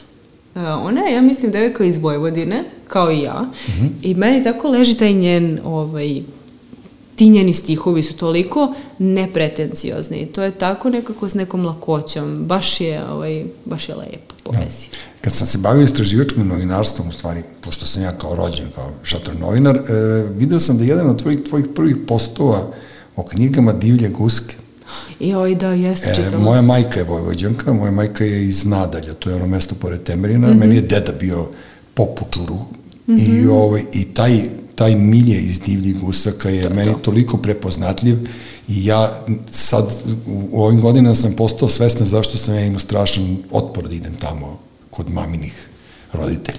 I, I moj ujak je jedan od tih ljudi koji prepoznajem u toj knjizi, ali nisu oni takvi bili zato što su ne znam šta, njih je život takvim napravio. Ta, ta, ta multikulturalna sredina, taj, taj, taj ludački, eh, radikalno poremećen ono sistem vrednosti je meni neverovatan i to je, to je bio jedan, ti si postavila taj roman da. da sam bio u fazonu, čekaj bre, ko čita ovo se mene? Otprilike, ne, Divlje guske sam slučajno uzela da pročitam. Ovaj, iskreno, uvek sam bila slaba na te priče kao iz deče perspektive. Da. To mi je ono, i volim, i uvek mi bude dobro, ali i mrzim jer je ugle, uvek jako tužno. Mislim, to je najtužnije. Ne, ali to je pretužna knjiga, da, da, da. znaš, kao to ono, ta dečija sudbina i to, meni je to u, Meni je to, to divlje guske, sećam se, pritom sam to slučajno, kao ajde šta ću da čitam nešto, putovala sam negde i kao u putu, ajde ovo mi je kratko. Mm -hmm. I ja, ja uopšte nisam imala pojma da je to tako strašno, da bukvalno one, ži, kao one, one žive u onom blatu, ono je sve ona... Sa onom guskama, da, ono, ono je jezivo. Baba, ona je. Baba, baba. da, da, da, baba je užas, ono Ali bože. skoro sam čitala najbolja knjiga tog tipa koju sam mm -hmm. pročitala, ovaj, Blizanačka trilogija ove, Agote Dobro. Krištof. Čuo sam samo. To je, to je remek delo. Mislim, Divlji guski su dobra knjiga, mm. ok, ali m, iskreno, po mom mišljenju, ništa više od dobre knjige. Nije sad nešto, bilo mi je mnogo dobro, tužno, ali kao to je... Podsjetila me priča, da. Ali Blizanačka trilogija, mislim, to je pisano otprilike, ja bih rekla, na uzor, po uzoru na Blizanačku trilogiju. Dobro. Ove, ovaj, to je bukvalno, to je kao iz tri dela se sastoji i govori o blizancima koji su, prvi, prvi deo knjige je ceo ispričan u prvom licu množine. Kao -hmm. mi. I to je takvo, a pritom, spisateljica je sad, ne mogu tačno da se setim, ali ona je to pisala, ja mislim, ne, svakako na jeziku koji joj nije maternji. Ona je recimo emigrirala u recimo Francusku i pisala knjigu na jeziku koji nije njen materni jezik A kako knjiga odmiče, tako njen jezik napreduje i poboljšava se, a ti blizanci kao odrastaju. Uh mhm. -huh. I sama ta, sama, sam taj razvoj likova i jezika je usklađen nekako, to je fenomenalno. Um, ratna je tematika prosto, oni se nalaze, drugi svetski rat, uh, u nekom trenutku vi više niste, e, niko nije siguran da li su to blizanci, da li postoji jedan blizanac, da li postoji samo neko dete koje je izmislilo svog brata, ili su to tamo potpuno, bukvalno totalni mindfuck od knjige. I dan danas nisam sigurna koliko je tu dece umešano i kako, mislim, neverovatna knjiga. Eto, fantastična preporuka za, da. za svako ko je, ono, e, Nick Hornby, High Fidelity, to da si čitala Jesam, takve knjige. davno, to su, to su u stvari bile one kao, što ja kažem, e, muzičke knjige, e, yes. kao tipa Undertowns i onako vesele šao like engleske. High Fidelity je baš vesela i lepa knjiga. Pa, pa ne, ali, znaš, ja sam se uželao takve književnosti, mm -hmm. evo sad si ti sad rekla za te ovaj, malo pre, blizan, kako se rekla, blizanačka? Blizanačka trilogija, bliz... ali to je teška knjiga, strašno. Znaš, kao, da. deda je ponesem da je čitam, ono, ne. u šumu ne smem, na more ne mogu, u planinu neću, znaš, to mm. ti je to, znači, treba imati hrabrosti za neke knjige. U, kako da ne. A High Fidelity mi je palo na pamet, pošto je meni to ono uvijek, ono, kao, znaš, učbenik veselosti, mm -hmm. kao šala lajka neka, kao što, ne znam, čitam Mm, ne znam šta bi čitao da se opuštam, ali ja volim te, te, te što, što kakediraju sa muzikom i sad ne znam da li si čula ja svima ono što ti kažeš sve živo smaram sa tim e, ovaj, knjiga koje je meni Ivana Misirlić, jedna od urednica u Laguni preporučila i ona je rekla da sam ja jedini na svetu koji će je pre, e, pročitati. Ona ima 800 strana i ona je velikog mm -hmm. formata, a zove se koliko god obećavala da ćeš da kuvaš i plaćaš stanarinu, popušila si jer se Bill Bailey više ne vraća kući. Edgar, Okej. Edgaro Vega Junke. Ne znam, ne nisam. Apsolutno genijalno. Jel da? Ti ne, to, ja nikada, ja sam sad naježio, ja nikada, skoro ću da sad zapišem taj naziv, u životu, da se zaboravim. pa, pa, kaže, ono, na, knjiga sa najdužim naslovom, Dak- dakle, zove se koliko god obećavala da ćeš da kuvaš i plaćaš stanariru, popušila se jer bili beli više se ne vraća kući. To je fantastična priča, to je povratnik iz Vijetnama koji je e, napravio dete e, portorikanki ovaj, u Njujorku i sada on ulazi u ludilo sta- strane Mhm. njene porodice, a ova ga je oterala portorikanka, oženi se sa Belkinjom, dobije šestoro dece s njom, ali ova mala e, e, Vidamija se zove njegova ta čerka, a zove se Vidamija, pošto je, dok su vodili ljubav, o njemu stalno govorila Vidamija, Vidamija, kao ljubavi moja, mm -hmm. i tako da ono, prvo počeši od toga, kao koliko on nije razumeo u šta se upleo do toga, a on je u stvari e, bio fantastičan pijanista koji je ostao bez dva prsta u Vijetnamskom ratu i cela ta drama, sve to što mm -hmm. se dešava, kako se upoznaje ova njegova mala portorikanka sa novom belom žutom braćom i tako dalje i tako dalje. 800 strana apsolutne genijalnosti. Nikad čuo nisam dok mi kažete Da, da, da, ja mislim ne da što znam. nije. I tako da ja imam tu par nekih ljudi po gradu koje mm -hmm. ja ovaj, kojima slepo verujem, ima super ekipa u Delfi knjižari u Skrcu i ja sam uđem unutra i kažem dajte mi nešto dobro. Znaš, i onda mi daju, ne znam, poslednji put su me ubili sa, ja sam čitao ranije put e, McCarthyjev i to sam čitao kad nisam imao decu, ali sad kad imam decu i naročito kad imam sina, kada sam pročitao taj, taj roman, ono, brate, ja sam plakao. Da, da. Majke, ne, ne, ne želim nikome da doživi to što je on doživao. I čovjek nešto prosto napisao je tu knjigu kao, mm, ja mislim opomenu, ali nikoga ne sluša. Uh, on je, mislim, ok, jeste on popularan, on je poznat pisac, Jeste. velik pisac, ali recimo ja ne nailazim na ljude ovde koji ga često čitaju. Ja sam čitala njegov krvavi meridijan mi je, da. i to mi je bilo, prvo ja sam tu knjigu uzela da čitam jer sam, ono, pritom, ovaj, što kažeš, uđeš u Delphi, tražiš preporuku, Da, da. ja preporuke tražim po internetu, uglavnom imam mm -hmm. par nekih sajtova s kojih skidam sve moguće recenzije i čitam svašta nešto. I onda tu pokupim ovaj, šta, šta bi moglo da bude za mene. I tražila sam neku top listu najboljih negativaca. Mm -hmm. I ovaj lik iz Krvovog meridijana, sudija Holden je, e, mislim, na svim tim listama bio u top 3. Da. Stvarno, super. Mm, Jesi čitao? Kako nisam? To je meni, mislim, takva priča o ono divnim zapadu američkom i osvajanju Masakro bizona i sve ono, da, da i ono, ka, kakvi su to u stvari odvratni likovi, koji su to odvratni ljudi i ti odvratni ljudi su ono kao sad, ne znam, dede ovih sadašnjih ljudi. Znači, jezivo, da jezivo je, to je takvo, i da, i um, kad smo već kod toga osvajanje Mhm. zapada američkog, um, src, um, sahranite mi srce kraj ranjenog kolena. Dobro. To je knjiga koja je, to je publicistika, napisana o osvajanju Amerike, ali uh, on je, uh, Dee Brown se zove taj pisac, on je skupljao svedočanstva preživelih indijanaca, ljudi, ljudi koji su ovaj, um, potomci onih koji su tada bili živi i to je u stvari knjiga o indijancima napisana maltene iz njihove perspektive i svako poglavlje je o padu jednog velikog plemena. Fenomenalno. Ali je ta publicistika napisana tako da, to, to je jedina publicistika koja je mene rasplakala. Pa dobro. Jer bukvalno na kraju vi doćete do toga da je to tako jedna velika prevara bila, da je bukvalno cijela jedna civilizacija izgrađena na lažima i na, ono, ljude su izvarali. Mislim, jasno je naravno uvek u ratovima će jedan da pobedi, jedan će da izgubi, ali to je toliko bilo nefer i toliko nije bilo ravnopravno, ali svakako fenomenalno. Tako da ako je ova Krvavi meridijan je sjajna knjiga, ali nekako zato što je fikcija, možda ljudi nemaju utisak da se to stvarno dešavalo, ali recimo u ovoj knjizi mm -hmm. bukvalno se vidi da je, da je to bilo odvratno, to su stvarno bili masakri, to su klanja žena, dece, beba, malih. Ja, dobro, bilo je onaj film Plavi vojnik svoje vremeno koji je malo doticao te teme. Jesu ljudi onako stidljivo pominjali te zločine koji su vršeni nad etnicima po Americi, ali nije se toliko mm -hmm. kao sada pridavalo pažnosti i, i vrlo mi je zanimljivo to da pročitam, jer ja sam ono što sam stariji sve više se borim za ta da ti ljudi ostvare svoje prava, naročito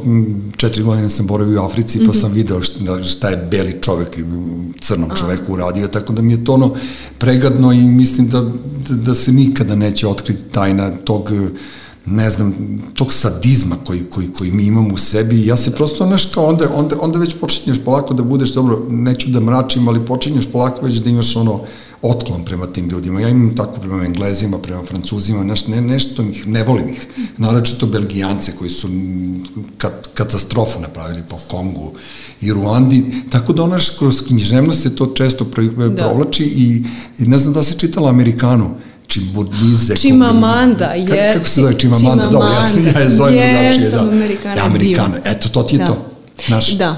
Ovaj, kod nas mislim da uh, jedini način u stvari na koji, kroz koji sam ja saznala sve te neke stvari, kroz književnost. Yes. Kako bi ja znala tamo neko o, Nigerija, šta se izdešavalo i mislim, bukvalno nemam pojma, to je nama toliko daleko Da, no, ali, ali vidiš koliko smo mi surovi prema tim ljudima. To je to, naš, mm. ono, i onda, ali ti se osjećaš, mi smo nigerici, ni, mi ne možemo englesku kao ni oni što ne mogu. Da. Znaš, i onda ti kao da, shvatiš da, kao da. koliko su ti u stvari neki ljudi e, koji su najgori, oni su u stvari najbolji i onda kao to ti dolazi do, ne znam ni ja... Pa, mislim, gde god da Životna si... tuga moja je ta da mi, da, da mi treba uopšte viza za englesku. Eto, to da. je ono, kako ti kažem, da ja ne mogu kad god hoću da odem u London, nego moram da popunjavam neke ovaj, aplikacije ili već ne znam šta. Ima jedna knjiga kod, e, u, u, u Buki, gde, koje, koje je ludilo potpuno. E, zove se, sad ću da ti kažem, e, bože, zaboravio se. Da, a si čitala možda Silu iz Sony Berlinu? Ne. To je, to je Sanja Nikolica, zove žena, ona je, ona je mišlika. Mm -hmm.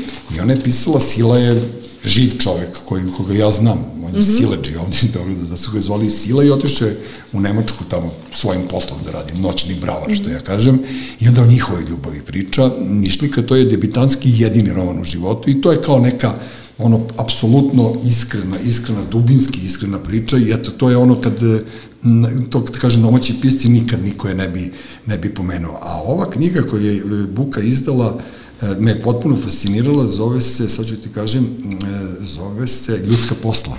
Ja, i to ću kraj meseca da čitam to. Karin da, to je sad e, izašlo pre neki dan. Francuskinja, mm -hmm. francuskinja autorka koja piše ono o krajnje aktualnoj temi to e, nasilje, nasilje moćnika nad e, slabijim ženama i sad u jednom trenutku neću da prepričavam nikome, nego samo bih svima skrenuo pažnju da obradite pažnju na poslednji poglavlje te knjige. Dobro. Poslednje poglavlje te knjige je nešto što ja ne bih volao da mi se desi u životu. A to je nešto što će sutra da nam se desi u životu. Mm -hmm. Dakle, morat ćemo za sve da popunjavamo aplikacije. Aha. Znači, ja i ti, ono kao taj, ceo kruh se zatvorio i sad on hoće da izađe na date, njemu je ono kao, da, da bi skratio, kao mrzi me da večeram, ajmo kao samo da vodimo ljubav. E sad onda ispunjavaju, da li imaš levo oko više, da li imaš obrvu, da li imaš trepavicu, da li hoćeš da se ljubiš usta, da li nećeš, bla, bla, bla. I onda sam shvatio da smo mi svi osuđeni da budemo prostitutke. Razumeš, da totalno budemo taj fazon. E sad ja i ti se spojimo i ja tebi se ne svidim, ti na toj aplikaciji priticaš no, ja, ja moram da ti se zahvalim što si uopšte došla, jer to ide u neki centar koji to omogućava. Dakle, mi smo svi postali aplikanti i mi nema više onog, ono, flerta, koketiranja, nema više margine o kojoj sam ja volao da čitam i da, i da ovaj, pišem na kraju krajeva, ni ja se onako prosto neš kad pročitaš tako nešto i sad on, te, te će žena lepa. Znaš, kad pročitaš neku takvu knjigu iz, iz, iz njenog ugla, ono te, mene, mene ti ljudi plašće. Da. Znaš, da li je to ono, kao, nije to Žil Verne, kao pa sad neka podmornica gore dole, nego je, to su stvari koje su ono, kao što su pisali o virusu, koji nam se desio, koji je ukočio zemlju na godinu i više dana, e tako ona priča sad o tim aplikacijama, u Francuskoj u današnje vreme, meni je to ono potpuno... Da, mislim, ne znam sad da li je to, ovaj, os...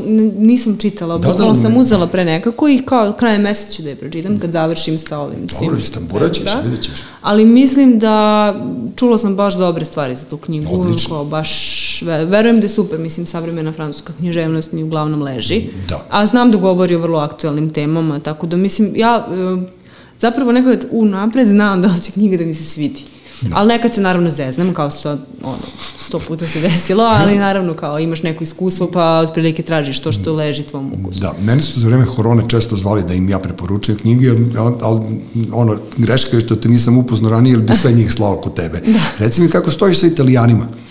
Pa ona, mislim, nisam nešto po, do duše lažem. Jedino što sam poslednjih godinu dana čitala ovo Elenu Ferrante. Dobro. To sam sve pročitala što je izašlo kod nas. Ja ništa, zato ti pitam. Strava Elena Ferrante. Mm -hmm. uh, ja sam pročitala, sećam se, znači to, ne znam da li se nekad desilo, pročitaš nešto, pošto voliš gradske priče, mm -hmm. ovo ono. Kad sam pročitala prvi deo te napoljske tetralogije, ono, moja, moja genijalna prijateljica, uh, ja sam dobila toliku želju da odem u taj Napulj. Uh, odmah sam uzela druge dve knjige da pročitam. I umeđu vremenu dok nije izašla četvrta, kad sam završila tako prve tri, kupila sam karte i otišla tamo.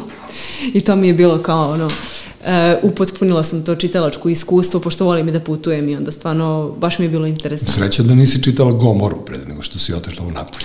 E, da, e, kad sam otišla u Napulj i videla ono sve, izašla ovako iz onog mm -hmm. autobusa sa aerodroma, pomislila sam, bože, ako je cijel grad ovakav, ja ću samo da se okrenim i da odem. ali, ali nije. pa nije.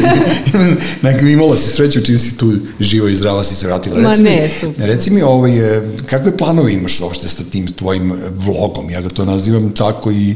Pa, ovaj, iskreno. ti to radiš iz entuzijazma ili radiš za ne...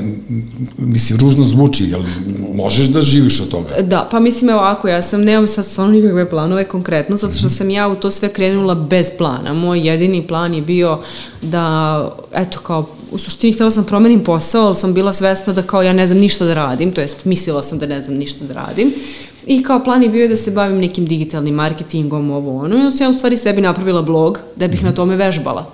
Meni nije bio nikakav cilj da ja postanem, ono, da imam, da ljudi dolaze kod mene da čitaju prepor, mislim, prosto nije mi to bilo. I onda sam u nekom trenutku, ovaj, to je tako eksplodiralo samo, i onda sam dobila por, ovaj, ponudu od Makarta, mm -hmm. koji je distribucija knjiga, da vodim njihov YouTube kanal. Super. Tako da ovaj, imam dva dela toga če, čime se bavim. Jedan deo je vezan za digitalni marketing rad sa drugim klijentima, a drugi deo je vezan za knjige, tako da mislim, ja od toga živim. Ma to ti je lepo, vidiš, ja, ono, ja uvek tvrdim da, da, da svako može da nađe svoje mesto i da svako može da živi i da radi ono što voli. Mislim, ja meni isto. To, meni je to sve. Ajde ovaj, samo za, za kraj bih volao da, da slušalcima podcasta Treći svet m, kažeš bar jedno pet preporuka. Dobro. Pazi, ovo, ovo čitaju, ovo slušaju od 7 do 707 godina, znaš, i ovo postoje ljudi koji su ono ostrašćeni, ali pošto smo mi uradili nešto najpametnije na društvenim mrežama, ukinuli komentare, Aha. tako da slobodno možeš. Okay, ne, super. neće niko komentarisati da imaš, ne znam, Indjušu ko, ko meni što su ovi sad, ja sam pravio se pametan oko medija u fonetu i da potpuno sam bio koncentrisan i, i ispričam celu priču koju sam imao oko medija i sve kažem, ono najstrašnije što sam imao da kažem i bio sam strašno ponosan na to, mi svi komentari super i u jednom trenutku vidi Minđuša. Znaš, i ja, i ja o Bože, svašta. I onda shvatim ono da definitivno treba ukinuti sve komentare na svetu, ali ti pozivaš ljude da komentariše, da učestvuju u tvojim razgovorima, tako da ono, ali Ja po, pozivam ljude da komentarišu, prosto volim stvarno da, da bude tu dobrih preporuka dobijem, ali ono, nisam zaista dobila neki nešto pretrano Dobro, glupaci se ne, me, ne meću tamo gde, gde su pametni ljudi, znaš, među književnike, šta bi oni tu radili? Nisam, stvarno, ne mogu da kažem, bude nekad, ono, prvih par videa je bilo kao komentara, kao, ajde devojko, malo nasmej se, ali mislim, ja ne mogu ljudima da, kao, Što si bi rek, se smela? a ti si rekao, kao, vidi kako, da ti čerka rekla da sam ja stroga. Da, da, ali da. ja stvarno, ja, ja sam komunikativna i vesela, prosto ja sam takva deo moje ličnosti, ja sam ozbiljna. Mene celog života pitaju, a što si ti tako ozbiljna? Pa dobro, jesi preozbiljna malo.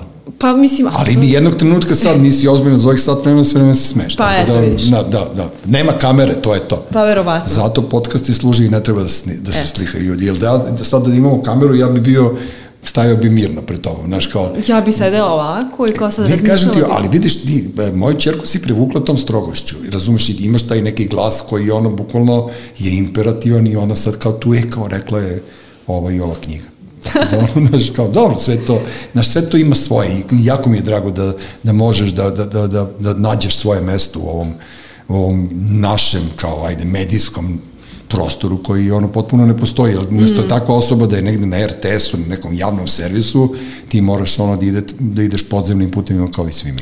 Pa ne, ali cool, okupi se ta neka zajednica Jeste. i vidim da stačno imam neku ekipu ljudi koja stalno komentariše, koja prati, koja gleda i to mi je super iskreno, zato što znam da ti koji gledaju, mm -hmm. zaista to, mislim, sto puta mi se jave ljudi kao, e, čito sam ovu knjigu koju si ti preporučila, to je meni nešto najlepše na svijetu. Pa jeste, pa ne, ali to znači ljudima, znaš šta, ono kao, e, sad uđem u knjižaru i kao, op, ukucam makarti kao da vidim, kao, aha, top lista, ne znam, e, mojih preporuka, lepih knjiga, ono, ženskih knjiga, šta već mm -hmm. preporučuješ, znaš, i onda kao čuješ neki naslov i, i počne ljudi da ti veruju.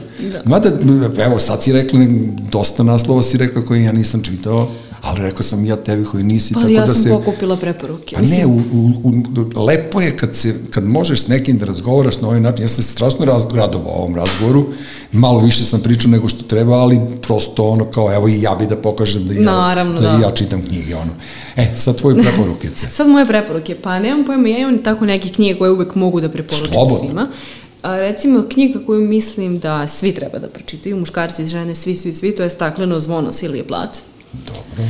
Ovaj, ona je žena koja je polovala depresiji, na kraju je izvršila samoubistvo i mislim to je jako strašno. I sad ta knjiga jeste kontroverzna i ovaj, postavlja se to pitanje da li je okej okay čitati knjigu koja na tako eksplicitan način govori o samoubistvu. Jer to jeste autobiografski roman, piše o ženi koja boluje depresije, ali fora je u tome što ta knjiga pruža takav uvid u stvari u to kroz šta ti ljudi prolaze, jer mi realno nemamo pojma. Mislim, da, da, mislim da. mi to uzimamo često vrlo olako, onako kao, mm -hmm. pala sam u neku depru. Mislim, i ja sama to kažem, ja nešto sam depresivna i tako to. Ali ta knjiga zaista pokazuje da je to jedna bolest i da je to strašno, da to, pritom, nju su, lečili su elektrošokovima, to su bile katastrofa neke situacije. Ona žena na kraju nije podlegla tom pritisku, mislim, nije izdržala. Uh, I onda ovaj, ta knjiga recimo sjajna. A, šta sam još htela? Da, ovaj, ima jedna knjiga koja se zove Middlesex. Mm -hmm. a, to je bukvalno knjiga koja mislim da je dobila Pulitzerovu nagradu pre desetak godina, možda čak i više. Ovaj, govori o devojčici koja je, odnosno rođena kao devojčica i odra, od, odgajena kao devojčica, ali u nekom trenutku u pubertetu skapira da ovaj, je ona zapravo, kreću da se razviju neke muške karakteristike polne kod nje, a paralelno pratimo priču e, njene babe i dede koji dolaze iz Grčke, ovaj, emigriraju u Detroit recimo ili tako nešto. I u stvari pratimo priču kako je došlo, to je jedan mutirani gen koji je putovao nekoliko generacija i na kraju je se kod nje ispoljio, tako da mhm. ona ima i muški i ženski polne karakteristike i sad to zaista nije neka knjiga koja nameće neku uh, političku korektnost onako na silu, ne? Bukvalno je slika Amerike tog doba, neverovatno, neverovatno napisano delo i pošto je ove, ovaj, ima taj neki moment sličan recimo tom Johnny Irvingu, uh, Uh, jako dobro priča, ima jako dobar zaplet, a opet je i kao porodična saga dobra, tako da to je knjiga koja mislim da može svakog da oduševi. Jeffrey Eugenides zove taj pisac. Dobro. Dereta izdaje kod nas. Um, šta da, još nešto. Da, ovaj, pa ovaj sporni češljugar. A, češljugar što se napravila frka, što, što mnogo košta. Da.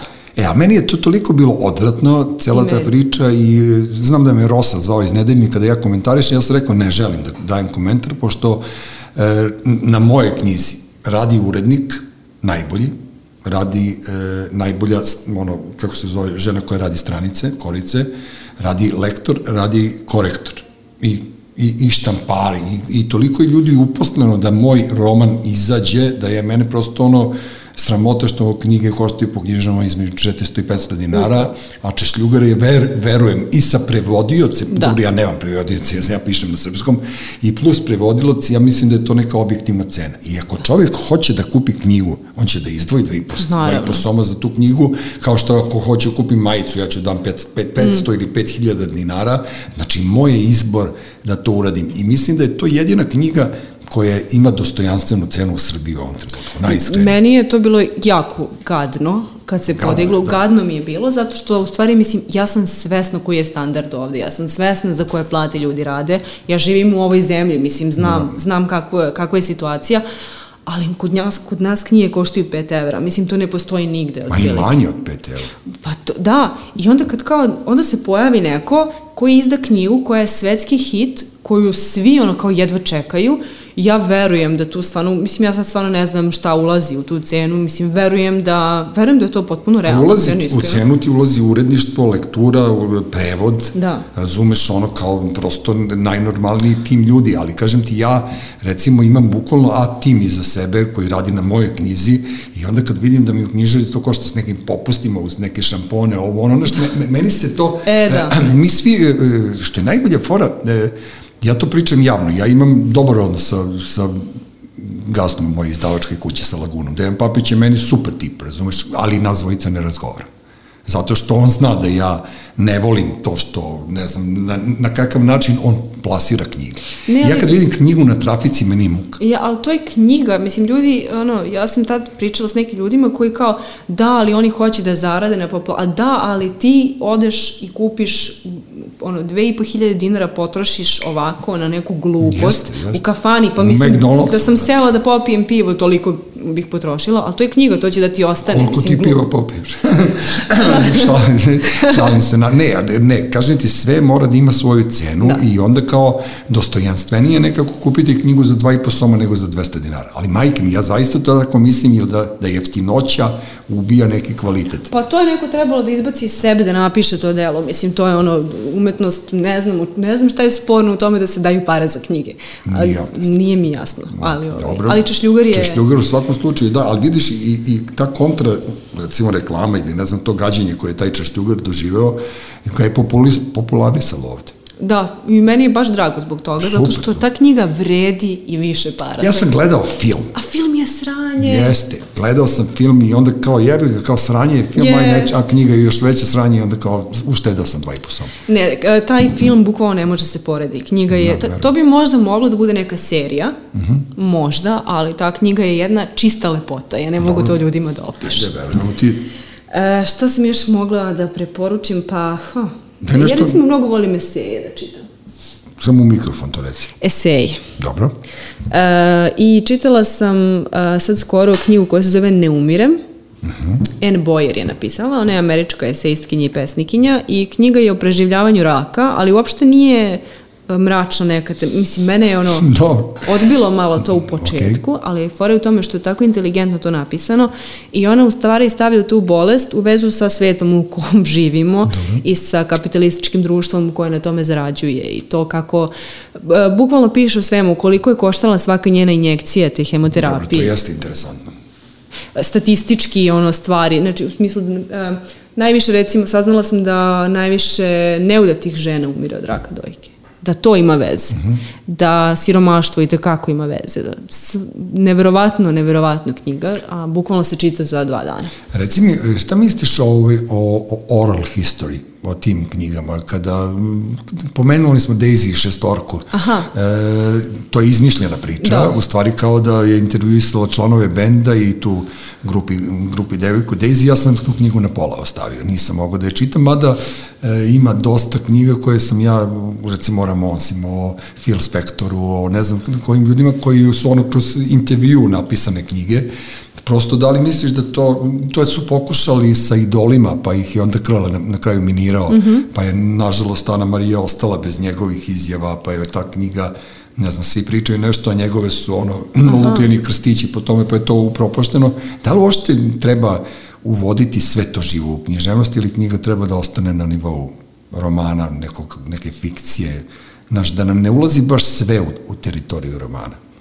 Pa ne znam, mislim, a sve zavisi od pisca i od piščevog da. umeća. Mislim, nemam pojma. Ja sam čitala dobre, dobre knjige koje su ono istorijska fikcija, mm -hmm. gde je kao zasnovano na istinitim događajima, ali je pisac uspeo da to učini interesantnijim tako što je dao tim likovima neki karakter, tako što je, ne znam, ovaj, tako što im je dao neke boje i recimo ima ona knjiga Da, Daisy Jones je, mislim, to je tralala knjiga, to je knjiga za plažu, za razonodu, za Da, dobro. odmaranje mozga, bukvalno. Mislim, to je, pritom je puno stereotipa nekih, to stvarno nije neka ozbiljna književnost. Ne, ali kao, meni kao da su pisali o nekom nemačkom rock and roll bendu, a ne ono što se implicira da je to, mm, ko beše, ne znam, nije. Fleetwood Mac. Fleetwood Mac, jeste. Pa mislim, ja kapiram da je to čak cool, možda kao audio knjiga, jer se onda čuje muzika, pa kao Da, više da. intervju. Ali meni je bila interesantna, eto, prosto kao neki odmor od te neke... Znam, ali vidiš, oni su smislili pesme koje ne postoji Da, i svašta su nešto uradili. Meni je to recimo cool moment. Da, Mislim, da, da. toliko je ono kao dala mašti na volju, ali recimo dobar primjer toga je um, Alias Grace, Margaret Atwood. Mhm. I Margaret Atwood je poznata je li, po sluškinjinoj priči, ona je, ona je fenomenalna spisateljica, ali ta knjiga Alias Grace je isto zasnovana na istinitim događajima, ali to je bukvalno samo okosnica priče. Znači, sluškinja koja je kao navodno ubila svog gazdu i mi sad treba da saznamo da li ga je ubila ili nije Lepo. ali ovaj, nije thriller, jer kao više govori o položaju žene, da, da, da, knjiga je fenomenalna. E, danas je Zamalek Dejana, Dejana Mhm. Stankovića dobio Evropsku nagradu za književnost, a to je jedna od redkih domaćih knjiga koje sam ja prošle godine pohvalio. I kako je dobro, a? I napisao sam prikaz i ja i on smo pričali, pošto smo mi dobri drugari, ja sam mu rekao, a kako se tako u Kenju kraj? Tako da Aha. to je, to je moj komentar na celu knjigu, inače meni je fenomenalno, ali nešto je izgleda uvatio živac pa je on to zbrzao, međutim izgleda da to ljudi nisu, ovaj, nije im zasmetalo i drago mi je da je on to i on se danas šalio, svima se zahvaljivo i kao zaradio 5000 eura, dobio tu neku nagradu, neka ga neka piše, on je neko strpljiviji moja generacija, ali strpljiviji čovek i to je, to je recimo jedna od knjiga mm -hmm. koje bih ja preporučio i čestitam mu na tome. A i za kraj bi samo da ti kažem, evo danas sam saznao da je jedna knjiga koja je plagirana mm -hmm. u Leipzigu na nekom festivalu ili već čemu, ovaj, ostala u konkurenciji iako su provalili da je plagirana, neka devojka koja je nju dala, ona je ukrala knjigu iz početka 20. veka od nekog pisca i potpisala je sebe i pošto je kao dovoljno dobra sada od 2021. godine, ona je ušla u usko- užu, ovaj, uži izbor, oni su saznali da je plagirana, ali kao nema veze kao izdaćemo, mm -hmm. važno je da taj tekst bude objavljen, pa ma pod kojim imenom, pošto je taj umro pre 100 godina i to su rights free, tako da ono, Da. a ti si Elliot, ti recimo svoje vremeno rekao da dobri pisci pozajmljuju, a da najbolji kradu. Tako da pitaj Boga šta je sad tu. Pa ono. ne znam, ja verujem da svi mi koristimo nešto kao inspiraciju. Da. Mislim, ja u svom poslu koristim, pošto aj, bavim se marketingom, ja pratim reklame drugih ljudi, mislim, naravno Mhm. Dobro, da ću da... kla- ne- marniš Kao- nešto. Ali znam, nekako zna se šta je plagijat, zna se Da. šta je kradeno, a zna se, mislim, i lupam tivlje guske, Mhm. sigurno je, ovaj, kako se zove, Julijana Adamović, sigurno da je koristila, recimo, blizanačku trilogiju kao 100%, inspiraciju. pa sad kad sam slušao tebe 100%, ne Tako da- inspiraciju, nego je ona bukvalno ono uzela to i kao, Mislim, drugačija je i forma i sve, ne želim sad da ga, ali prosto sigurno je na neki način uticalo. Sad kad ispadne da žena nije ni pročitala to. možda jeste, možda nije. Ne, oni- imaju ljudi koji umeju da ti uđu u mozak mm. i ovaj, ja sam e, često, gled, po novinama postoji moji neki drugari novinari koji umeju da pišu kao ja. Ne, ja sam imao svoje vremena tragediju u porodici, majka mi je bila bolesna i Igor Haranov, moj drugar koji je bio tad urednik Playboya, je napisao tekst i rekao mi je, e, kao, izašao ti je tekst. Ja nisam znao da je to napisano, ja sam njemu poslao nešto, pitaj Boga šta, on je bukvalno kao da sam ja pisao. da, da. Znaš, Pa dobro. kao eto, postoje takvi talenti, a ja to ne bi umeo. Pošto ja ne, ne znam koga bi...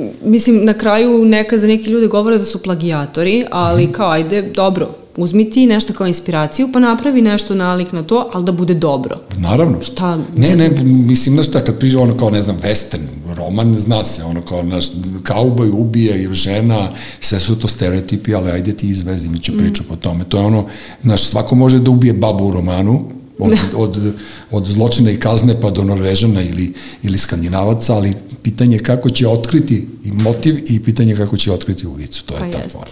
Hvala ti puno. Hvala tebi. Tebe mogu naši slušalci da gledaju na tom, e, na YouTube kanalu Makarta. Mm -hmm. e, radiš te preporuke, ne znam koliko, nedeljno. Jednom Jedno- nedeljno, ponedeljkom izlazi novi video. Svaka tebi čast. da. Ono, to je, nadam se da će biti ono, jedna od gledanijih YouTube kanala u, u moru besmisla, ne, u moru besmisla zaista se pojavilo nešto što što postoji i vidi se da znaš da koristiš društvene mreže i to je ono kao savršeno i ovaj i drago mi da sam da sam na, da sam preko ćerke došao do tebe. Znači meni je drago da znaš, kao ne ne, ne neverovatno, znaš ja, da. ja, ja, ja kao ja se trudim da sve znam, ali dosta toga ne znam. I onda ovaj kažem ti obradovao sam se jako jel e, stalno mi je smetalo to da dajem preporuke nekim novinama Znaš, jer ja jako čudne knjige volim i onda kao, kad me zovu, ne znam, iz nekog kurira da dam preporuku, ono, ne znam šta da im preporuče, ima ga reći godina, a ne znam ni da li bi, da li bi to razumeli, znaš. Tako da se onda da. trudim da im život ogadim, pa im onda preporučujem Brad Easton Ellisa i tako. Ne, da, da, Brad Easton Ellisa. Cormaca McCarthy. Pa to, da, ono, čisto da ih on. Ali vidiš, e, na kraju, gospođo iz Norveške, provalio sam, vi ne čitate i UNSB-a. Ne. Zašto? Nikad nisam, ne, prosto me nije palo, nije mi dopalo šaka, ne znam kako da... Kako ti nije dopalo šaka, ima 15 knjiga njegovih. Pa ne, nisam poželjala kao... Um, ne čitam toliko često trilere, trilere volim da gledam, volim da gledam psihotrilere, recimo meni je, ono, ja volim da čitam te neke uh, Pa mislim, američki psiho je ono, psihotriler. Tunel da. Ernesta Sabata, meni nema većeg ono, psihopata isto od njega. Tako da meni toliko, toliko imam divnih psihopata književnosti koje volim i koji su ono da. duboko napisani, dobri i sve, tako da meni stvarno UNSB ne moram. Ne, Preskočit ću. Ne treba ti još. Ništa ovo, ovaj, vidimo se za jednu godinu dana pa ćemo opet da pričamo ovde, tu smo Hvala blizu. Hvala ti puno, drago mi je ovaj, da sam gostovala ovde, nadam da. se da će biti zanimljivo. A sad kada si, a, a kada si rekla da si iz Rume, samo da ti kažem još jednu stvar, Ruma je e, ponosni e, grad po tome što je bio e, prvi punk kafić u SFRJ je bio u Rumi. Stvarno? Da, i iz Rume, iz Rume je krenula punk scena u e, SFRJ, napili su se Zoran, Zoran Predin i Bale iz Pekinške patke. Stvarno? Eto, tako da znaš, ta, to je, a inače se Kole, Kole zvao taj moj drug koji je držao taj kafić i mi smo ga zvali Kole Ruma, tako da ima ta Ruma Eto. Ima potencijal da jednog Ima. dana, eto, eto posle, posle panka krenula i književnost, neka nova, neka nova generacija koja će nam, ono, drago mi da postoje uopšte takvi ljudi poput tebe. Hvala ti. Hvala ti puno. Treći svet. Treći svet. Treći svet.